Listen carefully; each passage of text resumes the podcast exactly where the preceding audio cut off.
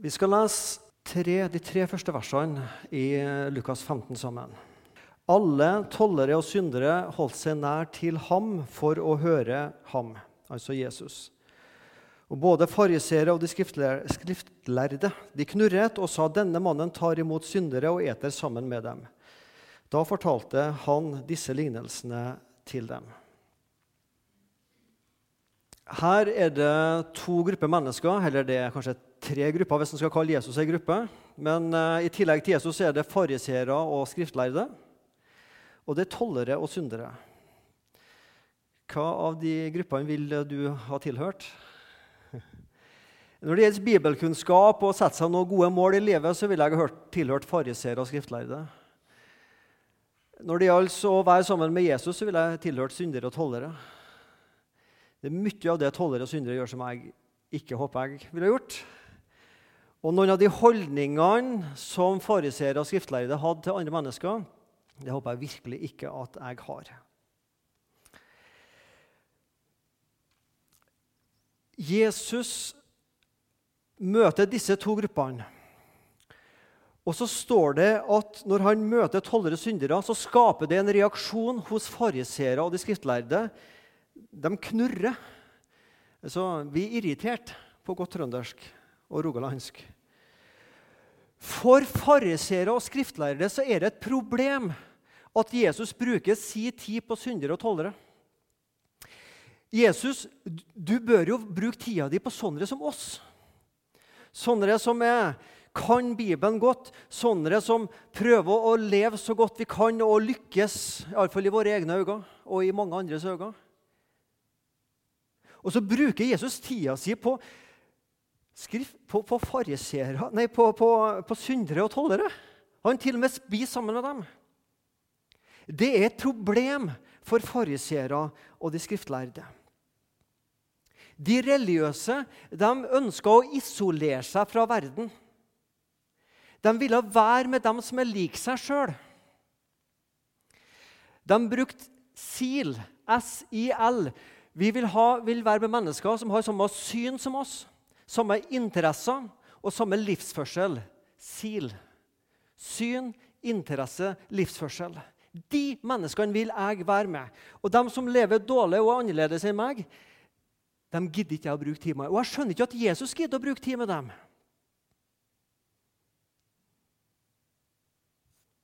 Like barn leker best. Sånn var det da. Jeg tror det er litt sånn nå også. Jeg vil helst være med dem som er sånn cirka lik meg sjøl, har de samme meningene, lever sånn som meg. Ikke så mye fattigere enn meg, og kanskje ikke så mye rikere enn meg heller. Liksom Folk som er lik meg sjøl, dem liker jeg best. Og sånn er du også, mer eller mindre. Forhåpentligvis mindre enn meg, da, men vi er sånn alle, mer eller mindre. Og så er det som Jesus sier, jeg ønsker å være med folk som er langt borte fra Guds rike. Ikke-religiøse mennesker som banner og som stjeler og som horer og som gjør mye gale ting. Dem vil jeg være med.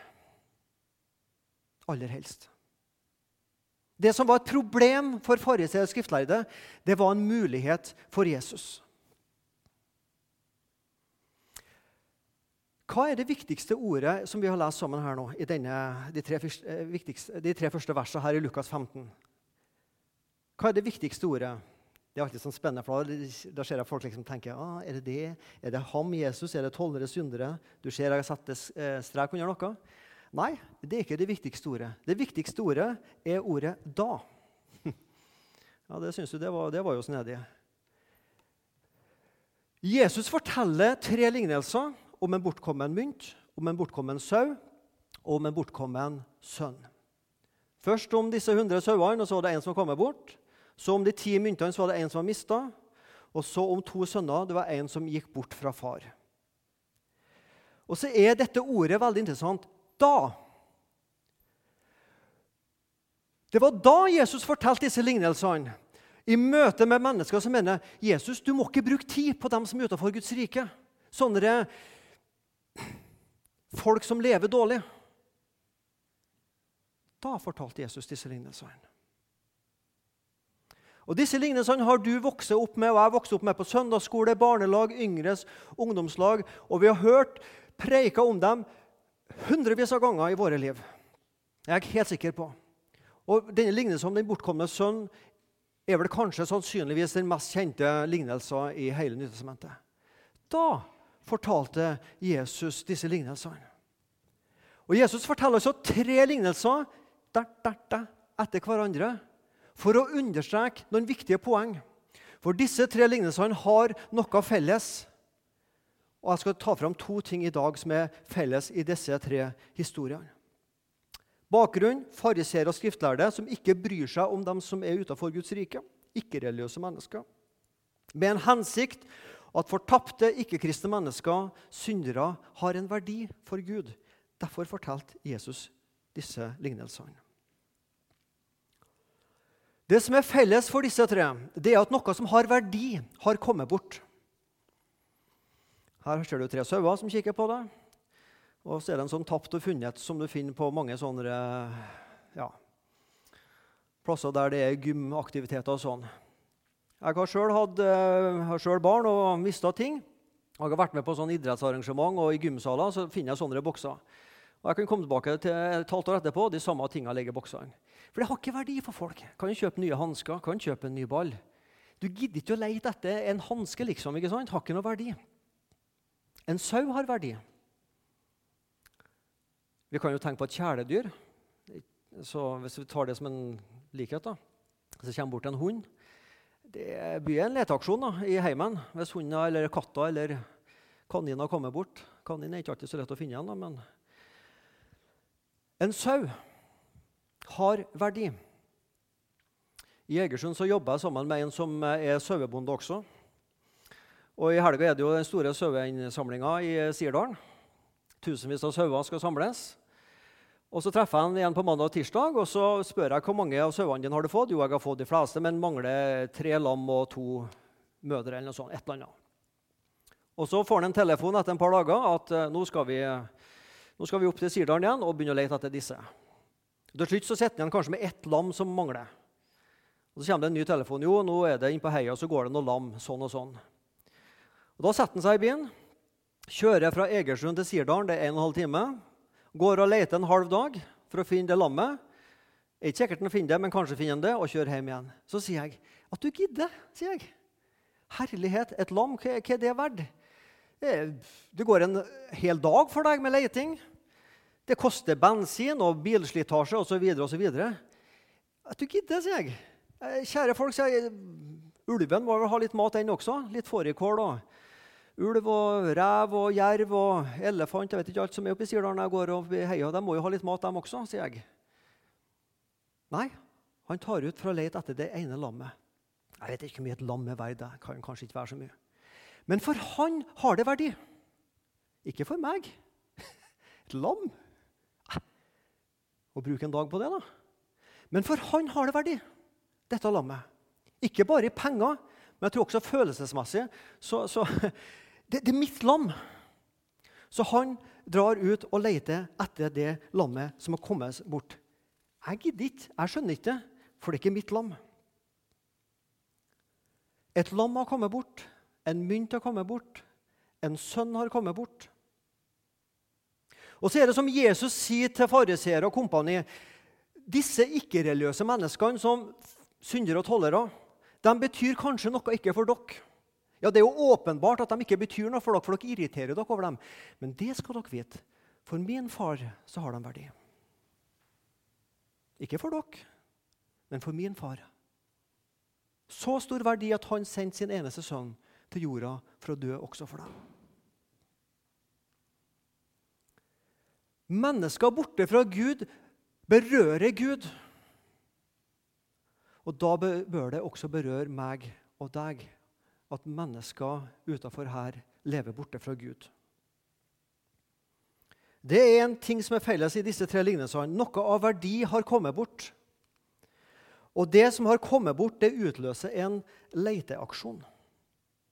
Leite etter den ene sauen, så kan de 99 rettferdige sitte igjen i misjonssalen, men Jesus går ut og leter etter den ene. Én mynt Det står på grunnteksten en drakme, som var jo ei dagslønn. og Da, da klart det ikke liksom ti kroner det er snakk om, men det var ei dagslønn. Ja, da ville jeg også sikkert begynt å lete mye i huset mitt. 10% av eiendommen, én av ti kronestykker, ja, det var, hadde en verdi. Og en fortapt sønn, hvem ville ikke gå og lete etter den? Det er mange år siden nå. Det var når ungene var små. Vi var i uh, Dyreparken i Kristiansand. Gutten, som nå har blitt 26 år, han var 2 15 år. Og hun, uh, jenta som var 25, hun var ett år og lå i vogna. Så måtte jeg gi et nødvendig ærend, og kona hun sto i kø til tømmerrenna. For den var jo lang, den køen. Og så smart som jeg er, så sier jeg nå står du her og tar opp plass, mens vi går og gjør noen andre ting, og så kommer vi tilbake når du liksom er helt fremmerst. Og så lurer vi oss inn, og så, og så videre. Ikke jeg, da, men skulle få ungene inn. ikke sant? Så måtte jeg gi et nødvendig ærend nede i Kjuttavikan. Noen av dere som har vært i Dyreparken, ser det her foran dere. Hvor Kjuttaviga. det, det, er et stykke til tømmerrenna. Og så, så hun tok med meg vogna da, og trilla inn. Så Hun satt jo i ro i vogna, hun minstejenta. Og han gutten han skulle 'Pappa, jeg står på utsida.' 'Ja, men du står på utsida', sa jeg. 'Stå på utsida.' Liksom, du fikk den stemmen der sånn at han skulle skjønne alvoret. Ja, ja, ja, ja. Jeg inn, og så går det to minutter, og så ut. Og du skjønner? Han er selvfølgelig ikke der når jeg kommer ut. Tusenvis av mennesker i Dyreparken. Selvfølgelig skjønte jeg med en gang det er jo gjerde rundt, så, men likevel, det er vann her. To og et halvt år gammel gutt sprang vekk. Da er det én ting som står i hodet mitt. Om kaptein Sabeltanns skute brenner opp, om det blir et lynnedslag, om det, om det kommer fullt av regn, sånn at de må stenge alle attraksjoner, betyr ingenting. Jeg må finne sønnen min.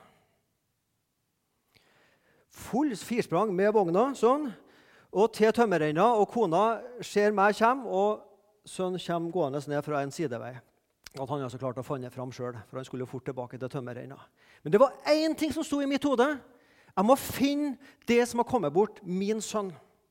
Alt det andre som skjer i Dyreparken, var totalt likegyldig. En leteaksjon. En pastorkollega fortalte at han, etter han og kona hadde gifta seg, så var han på en, en ferietur. Og hadde, de var på ei strand og hadde bada og sånn og sånn, og han hadde kjøpt en fin ring til kona med, sånn, med diamant på toppen.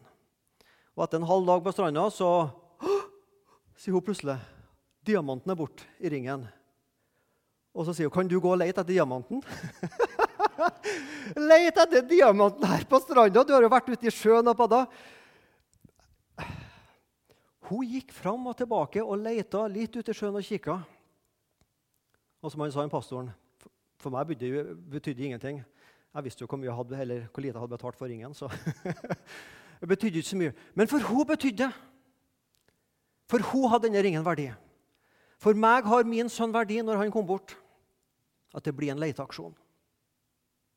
Et barn har kommet bort. Noe av verdi for eieren har kommet bort, og det blir en leteaksjon. Gud er i letemodus. Gud er kontinuerlig med sin kikkert eller hva han bruker oppe i sin himmel, på kontinuerlig leteaksjon etter mennesker som er borte fra han. Er du, er jeg i leitemodus, Eller eh, er vi fornøyd med sånn som vi har det? Får det konsekvenser for mine prioriteringer av tid og krefter? Er våre menigheter i letemodus? Er vi på utkikk etter ikke-kristne mennesker? Om det er unge eller gamle, enslige ektepar eller familier, er vi i letemodus etter det som er tapt for Gud? Det var ikke fariseeren skriftlærde. De, unnskyld uttrykket, men de, de, de, dreit i det som hadde med, for, med, med, med tollere og syndere Det var de totalt likegyldig. Hvordan det går med dem. Slipp, slipp å være med dem. Vil ikke ha sånne inn i vår menighet. Jesus er i leitemodus kontinuerlig. Er vi fornøyd med tingenes tilstand, eller har vi denne uroen stadig bærende med oss og være i leitemodus? Flere må bli vunnet for Guds rike. Hvordan finner vi mennesker i 2016 som er borte fra Guds rike?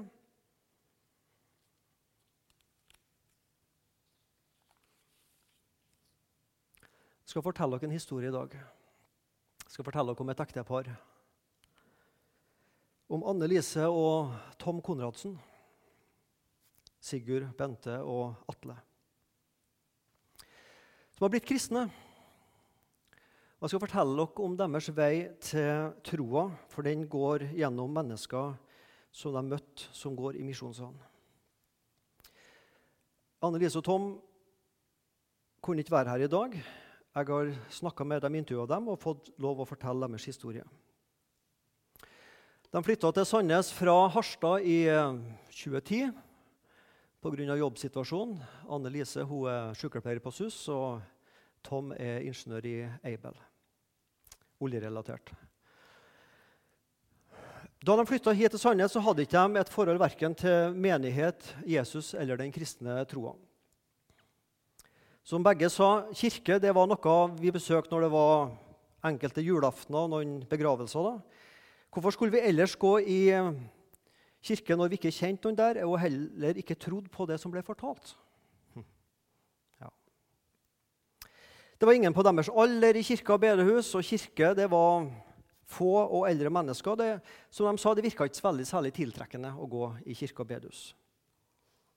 Og sier Anne Lise at Da jeg var mindre, så var jeg med i et barnekor i en frimenighet. det var Kjekt, og det var gode minner, men det ble ikke noe mer da jeg ble ungdom. Det virka litt sånn kjedelig, det å være en kristen. Hva tenker dere om kristen tro? Hva tenkte dere om kristen tro før dere sjøl ble kristne? Tom sier at uh, egentlig lite. Kristen tro det passa liksom ikke inn i mitt verdensbilde, som jeg hadde fra studie- og høyskoletida, hvordan verden ble til å henge sammen. I mitt syn på virkeligheten så var det ikke plass til dette med tro og Jesus. Jeg er realist og tror på vitenskapen. Anne Lise hun sier at eh, altså, det var jo greit nok for oss at noen ville tro på Jesus, men altså, vi var ikke motstandere. Men, men det var ikke aktuelt. Var, vi var bare likegyldige til det som har med kirke og tro å gjøre. Det betydde jo selvfølgelig en del at de ikke kjente noen som var kristne. Og, så det, det, ble bare uaktuelt, det som har med tro og Jesus og dette å gjøre. Ikke gå i kirke, ikke døp barna sine. Og som de sa, vi savna det ikke. Hva fikk dere til å orientere dere mot kristen tro og menighet? Det blir stille noen sekunder før eh, Anne Lise tar ordet. Det starta med en kul. En kul, spør jeg. Ja, det starta med en kul. Jeg oppdaga en eh, kul på kroppen som eh, jeg som sykepleier ikke visste, som som sykepleier ikke skulle være der. Og det viste seg at det var en kreftsvulst. Annelise stopper litt opp før hun fortsetter. Livet stoppa liksom opp. Usikkerhet, frykt. Det ble cellekur, det ble stråling, og kreften ble synlig for alle da jeg mista håret. Annelise hun er en, eh, som nordlendinger flest, en veldig utadvendt person. Og hun var ikke redd for å fortelle om kreften verken på arbeidsplassen eller dem hun traff. På et foreldremøte til den eldste sønnen så, så møtte hun ei mor som går i misjonssalen. Jeg la merke til hvor respektfullt hun lytta til meg. Det opplevdes utrolig godt å snakke med henne. Hun var på ingen måte overfladisk, men lytta interessert til det som jeg hadde å fortelle. Da jeg gikk hjem fra det foreldremøtet, så tenkte jeg at slike mennesker som hun har jeg lyst til å bli bedre kjent med. Vi hadde på den tida lite nettverk i Sandnes, og siden familien vår bodde nordpå. Et par uker senere var Tom på fotballtrening, og tilfeldig, eller skal vi si gudfeldig, så ble han stående ved sida av mannen til hun som Anne Lise hadde møtt. Eh, begge, hadde, da, eh, begge familiene hadde sønner i samme klasse, og Tom sier at vi snakka om løst og fast fotball, skole, fritidsinteresser. Og denne mannen fortalte meg at han var aktivt med i en, ja, kristent arbeid. På den tida her ble Torm permittert fra jobben i Aibel pga. oljekrisen her i Rogaland. Eh, og selv om også Tom er nordlending av natur, så er han rimelig det vi kaller introvert, altså stille og innadvendt. Ut, utrolig nok. Så mens Anne Lise nesten uten bremser på kunne fortelle om kreftsituasjonen og, og sykdommen, så ble Tom gående hjemme og ønska egentlig heller ikke å ha noen å snakke med om arbeidsledighetssituasjonen. Som han sier, Som mann så følte jeg det som et tap å være med permittert. Det gikk på sjølfølelsen løs. Sykdom og permittering ble vanskelig å takle. Men samtidig så førte Anne Lise og Tom nærmere sammen. Ekteparet de hadde møtt på foreldremøtet og på skolen og på fotballtreninga til gutten, går i misjonssalen. Og Disse snakka seg imellom at de hadde eh, møtt av foreldrene til, til Sigurd. og ja, Så lang historie kort. De tok mot til seg en eh, dag og ringte og sa at eh, på søndag etter vi har vært i misjonssalen, har dere lyst til å komme hjem til oss på kaffe, på ettermiddagskaffe? Jo, det De tok mot til seg og tok den telefonen og inviterte Anne Lise og Tom og familien hjem på kaffe til å bli bedre kjent. Dette ble egentlig for oss som ektepar det første møtet med bekjennende kristne, sier Anne Lise. Vi hadde skjønt at disse var kristne ut fra det de fortalte om hva de var med på. Men den første gangen vi besøkte dem, så ble det ikke snakka så veldig mye om Jesus og tro. Samtalen den ettermiddagen det handla mest om barna, fritidsinteresser, flyttinga fra Harstad til Sandnes, hvordan det hadde gått, om ferieturer, litt om fritidsinteresser, og selvfølgelig om fotball, sier Tom. Men det, sier Tom, det som likevel sitter aller mest igjen fra første gang vi snakka, det var hvor åpne og naturlige de var lyttende og virkelig interesserte i vår livssituasjon med bl.a. sykdom. Og jeg husker jeg sa til Anne Lise da vi dro hjem, at slike mennesker må være gode å ha som venner. Det var liksom noe godt med dem, både hvordan de snakka, og hvordan de var mot oss. Og ikke minst, barna hadde det veldig topp sammen. De hadde som jeg har lært oss her på Rogalands, de hadde gilt sammen, sier Tom. Det ble flere kaffebesøk mellom Anne Lise, Tom, barna og denne familien. Og samtalen kom etter hvert mer og mer til å stikke dyp, om det som stikker dypere i livet enn fotball, ferieturer, travelhet, barnas fritidsinteresser. Anne Lise sier gradvis så tur dette ekteparet å utfordre oss på dette med meningen med livet og hva vi tenkte om Gud, evighet og andre temaer i den kristne troa. Men for all del, sier Tom, vi stilte også spørsmål tilbake igjen. Og vi utfordra også dem på deres tro. Og det jeg egentlig satte mest pris på, det var at de ikke hadde svar på alle spørsmåla jeg stilte. De var ærlige med at, det var, at de ikke hadde svar på alt som jeg utfordra dem på når det gjelder sin kristne tro. Men aldri fikk jeg det inntrykket av at de skjemtes å være kristne.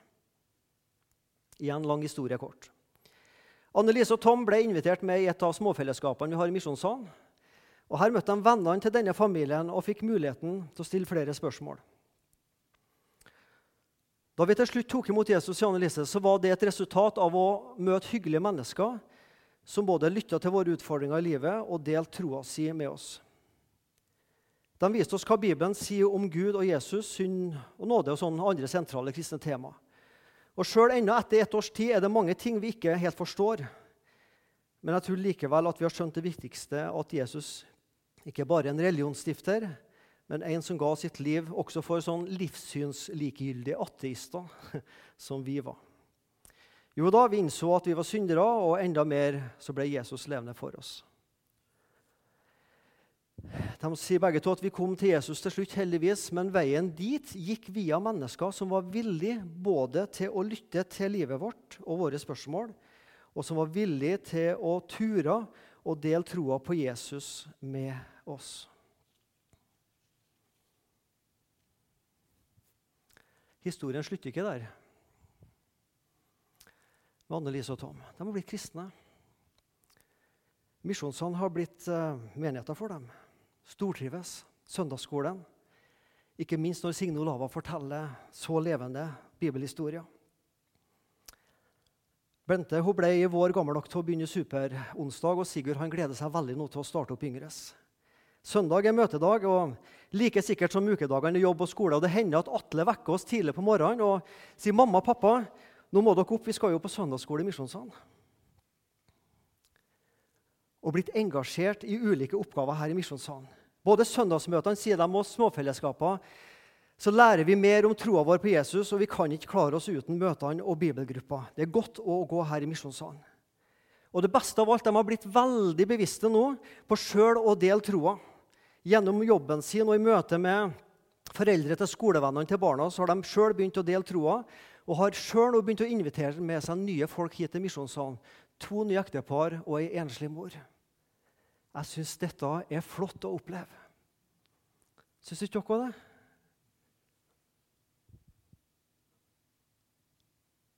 Dere ser litt skeptiske ut.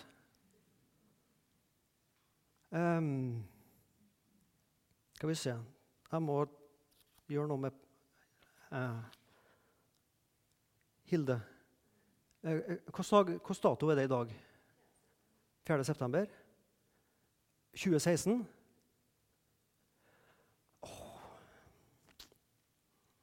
Jeg har tatt med meg feil preik, folkens.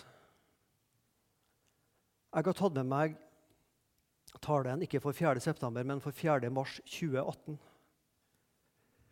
Dette er den talen jeg skal holde om ett og et halvt år. Er du forvirra nå? Anne Lise og Tom er fiktive personer. De fins ikke. De på bildet heter ikke Anne Lise og Tom. Det eneste de har felles, det er at de bor i Nord-Norge. Og de som bor på, de du ser på skjermen nå, de skal ikke flytte Sandnes. Det vet jeg. Føler du at jeg har lurt deg? At jeg har dikta noe som og løye for deg? Ja, jeg har det. Men bli med meg nå på en annen måte å se det på. Det jeg har gjort nå Jeg har tegna et framtidsbilde for dere om noe som vi skal oppleve om ett og et halvt år. Om to år, om fem år, om ti år. Da heter de ikke Anne Lise og Tom, Bente, Sigurd og Atle. Da har de andre navn. Men de kommer inn her i misjonssalen fordi de har møtt mennesker i misjonssalen som begynte å dele sin tro og sitt liv og sine hjem og sin kalender med dem. Dette er et framtidsbilde som vil skje. Kan det skje? Kan det skje? Vil det skje? Det må skje. Det må skje. For menneskesønnen er kommet for å søke og frelse det som var fortapt. Hvis ikke jeg, hvis ikke du starter å begynne å dele vår tro og Jesus med folk utenfor ikke-religiøse mennesker, så vil Anne Lise, Tom, Bente, Sigurd og Atle gå fortapt for evighet.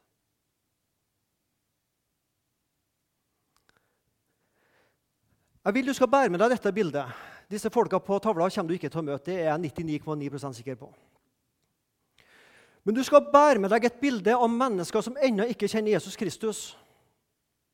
Som vil møte Jesus Kristus gjennom deg i tida som ligger foran. Bent, Anne-Lise og Tom og barna skal barnefamilien her i misjonssalen nå. Du som er godt voksen eldre, det er ikke ditt kall først og fremst å nå dem. Men det fins noen her i byen som heter Gunnlaug og Tobias Obrestad. Som er 60-70 år, som ble kristne i en vekkelse litt sør lenger på Jæren her for noen tiår siden. Flytta en annen plass i landet pga. jobbsituasjonen. Det var ikke noe bedehus, og kirka var ikke så veldig aktuell å gå i. og Gradvis så forsvant troa på Jesus. Når de flytta tilbake til Sandnes Nå sitter de i ei blokk her i nærheten. Og så tenker de at det er mange kirker og bedehus her i Sandnes. og Kanskje vi skulle begynt å finne ut litt mer om det som, vi, måte, det som forsvant for oss for noen, i løpet av noen tiår. Og Så går de forbi Misjonssalen, og så ser de misjonssalen.no, og så tenker de hva er det for noe? Det er et gudshus. Skal vi gå dit på søndagen? Vet du hva som avgjør om de går hit på en søndag?